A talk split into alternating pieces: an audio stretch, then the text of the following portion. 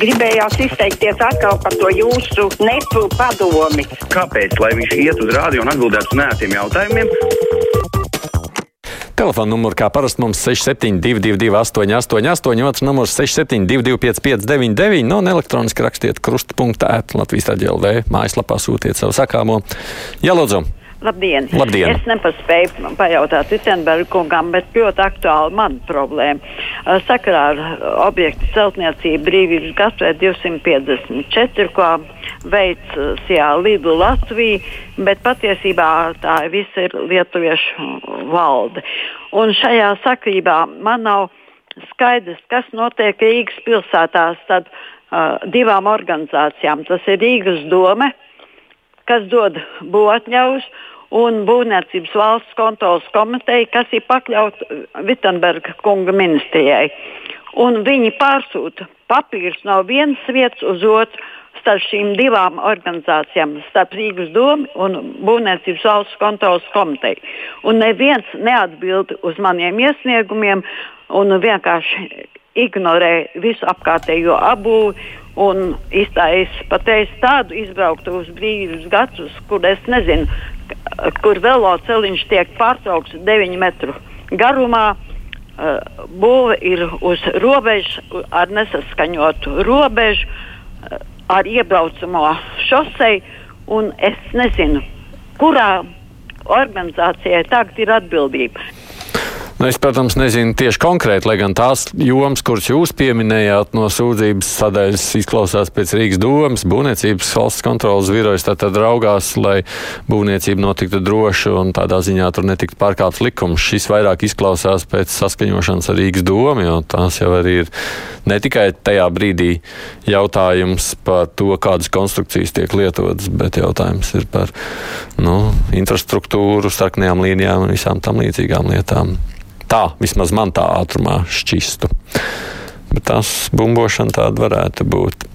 Konkurētspējīgu algu var maksāt tikai tad, ja nemaksā to lieko daļu valstī. Rakstīt mums, piemēram, no 1000 eiro 600 jāsamaksā valstī, 300 maksā darbinieks, tam paliek 700 uz rokas, 300 vēl piemaksā darba devējs, un tad jau ir tas ārprāts, kas ir tikai Latvijā. Edmunds norāda uz augstajām darba spēka nodokļa izmaksām. Halo! Labdien! Labdien. Dzirdu ļoti daudz jautājumus, kas jau pašlaik ir aktuāli mūsu Latvijā un visā pasaulē, bet man tāds jautājums būtu, kā ir ar mūsu lauksaimniecību, cik ir novākta labība, kā tas ir. Es neesmu nevienā raidījumā dzirdējusi, ka kaut ko pieminētu, cik tonnas un vai laba raža vai kā. Un netais, iztaisot tādu mazu ekskursiju par kaimiņu republiku, redzēju, ka graudi ir pat kaudzēs uz lauku sabērti vai tad mēs tā, nu mēs jau par kaimiņiem neko gan nevaram teikt. Bet. Bet es pats personiski dzirdēju Latvijas radio. Man gan šķiet, ka tā bija programma Labrīt, bet es varētu arī neatcerēties. Vai es ļoti nesen, pirms mazliet vairāk nekā nedēļas, diezgan plaša saruna par situāciju laukos. Un, no, tur tika runāts par to situāciju, kāda ir. Protams, lietus lielā mērā ir traucējuši šobrīd. Tonnas pašas par sevi nenosaka, Tur gan bija arī teicis, tie vismaz graudkopji, ka cenas ir tādas, lai viņi nevaimanātu. Bet, nu, to, ka beigās lietas ir mazliet pabojājas, tādas ziņas bija. Tā. Aidi pēc apbalvojuma saņemšanas ir sajūta, ka ir saņemts avans, jo man tāda sajūta radās jau vairāk pēc TV žurnālistu apbalvošanas, tieši kuriem pasniedz ordeņus. Nu, kāds nu tur avans? es uz balvu vispār neskatos, kā uz. Vispirms tas jau nav naudas jautājums. Tas ir kāds, kurš saka, ka viņš novērtē to, ko tu esi darījis.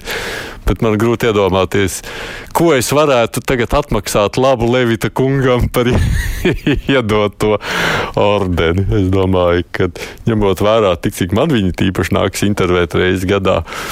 Nu, tur es nevaru pat iedomāties, kā es varētu viņam atmaksāt. Bet nu, katrs jau droši vien skatās uz tām lietām nu, tā, kā viņam tajā brīdī izskatās. Jā, lūdzu. Jā, no ordinārā. Nu, jūs gan esat zvanījis jau vakar, piedodiet, mēs jau paliekam pie tā paša principa.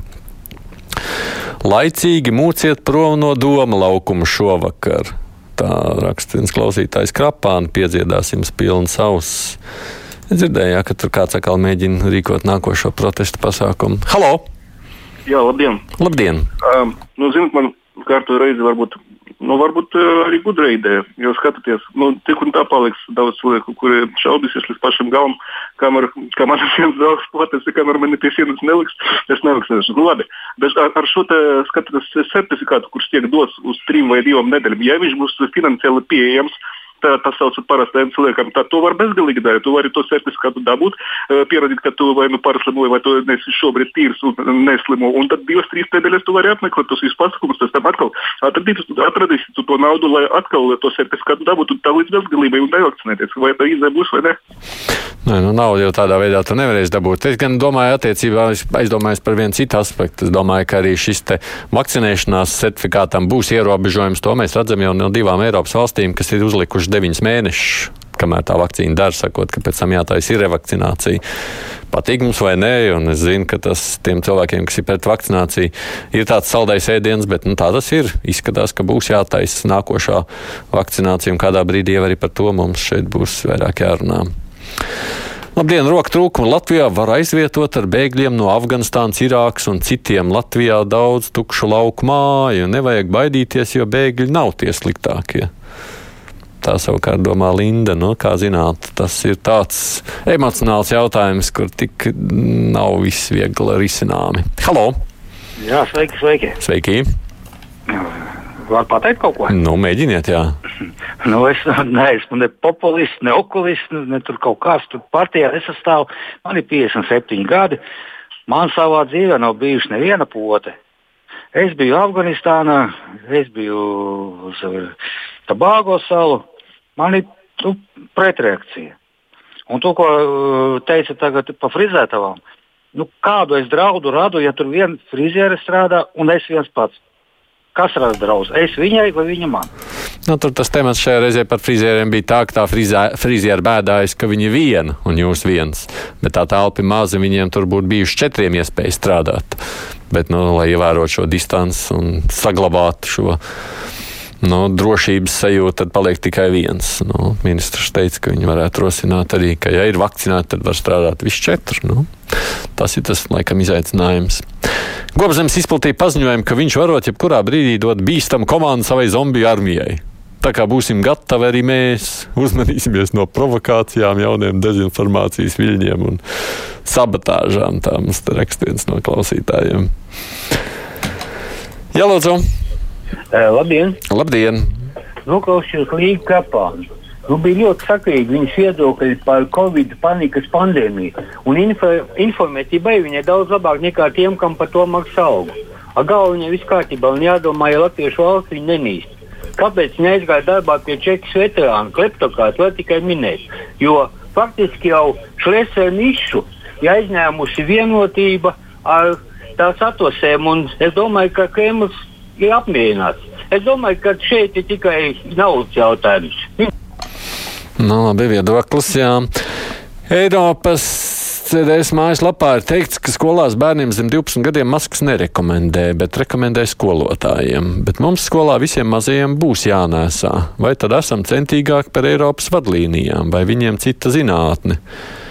Es esmu vakcinēts un neko nenoliedzu, taču es esmu par datiem un zinātni. Tā raksta Pēteris. Es domāju, ka šis skolas sākums mums vēl daudz jautājumu iespējams radīs. Man es tiešām aicinu šodien klausīties raidījumu ģimenes studiju tūlīt pēc mūsu raidījuma, jo tur daudz šie jautājumi arī tiek aktualizēti. Halo! Halo! Jā, lūdzu! Es, e, jā, krustpunktī, jā? jā krustpunktā runājiet droši. Es varu runāt, jā? Mm -hmm, jā, jā. Ziniet, man ļoti atgādina vien tā, ka jūs, kur gobzemes organizē to vai teikt, sanāksmi tur to pret. Man ļoti, ļoti nepatīk, ka šis cilvēks, kad žurnālists komentēja cilvēkiem, pastāstīja par to kompāniju, un tur no tās kompānijas viens cilvēks ļoti traucēja žurnālistam runāt. Nu, tik nezolīdi, tik nepieklājīgi. Vai tad tiešām ne, jūs žurnālistika novērot sodiet tādus cilvēkus? Un pateicoties ļoti zolīdam kom, tam žurnālistam, ka viņš nepārtrauca sarunu un pret viņu nekādu naidu neizrādīja. Paldies! Jums. Mm.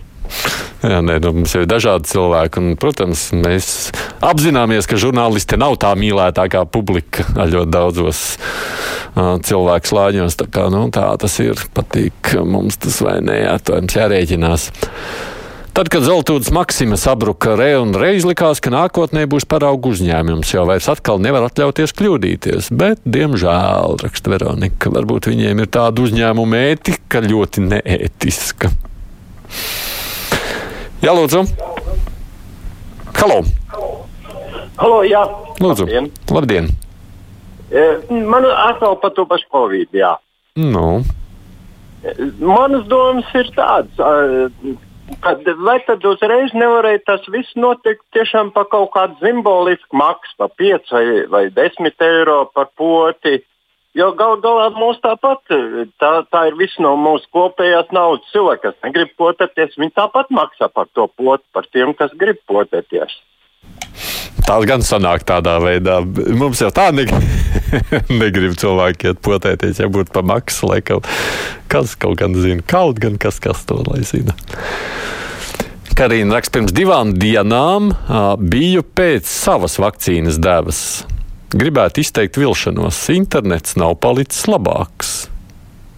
Bet gribēju pateikt arī paldies māsiņai, jo likās, ka organismā ieplūst medmāsas labsirdība.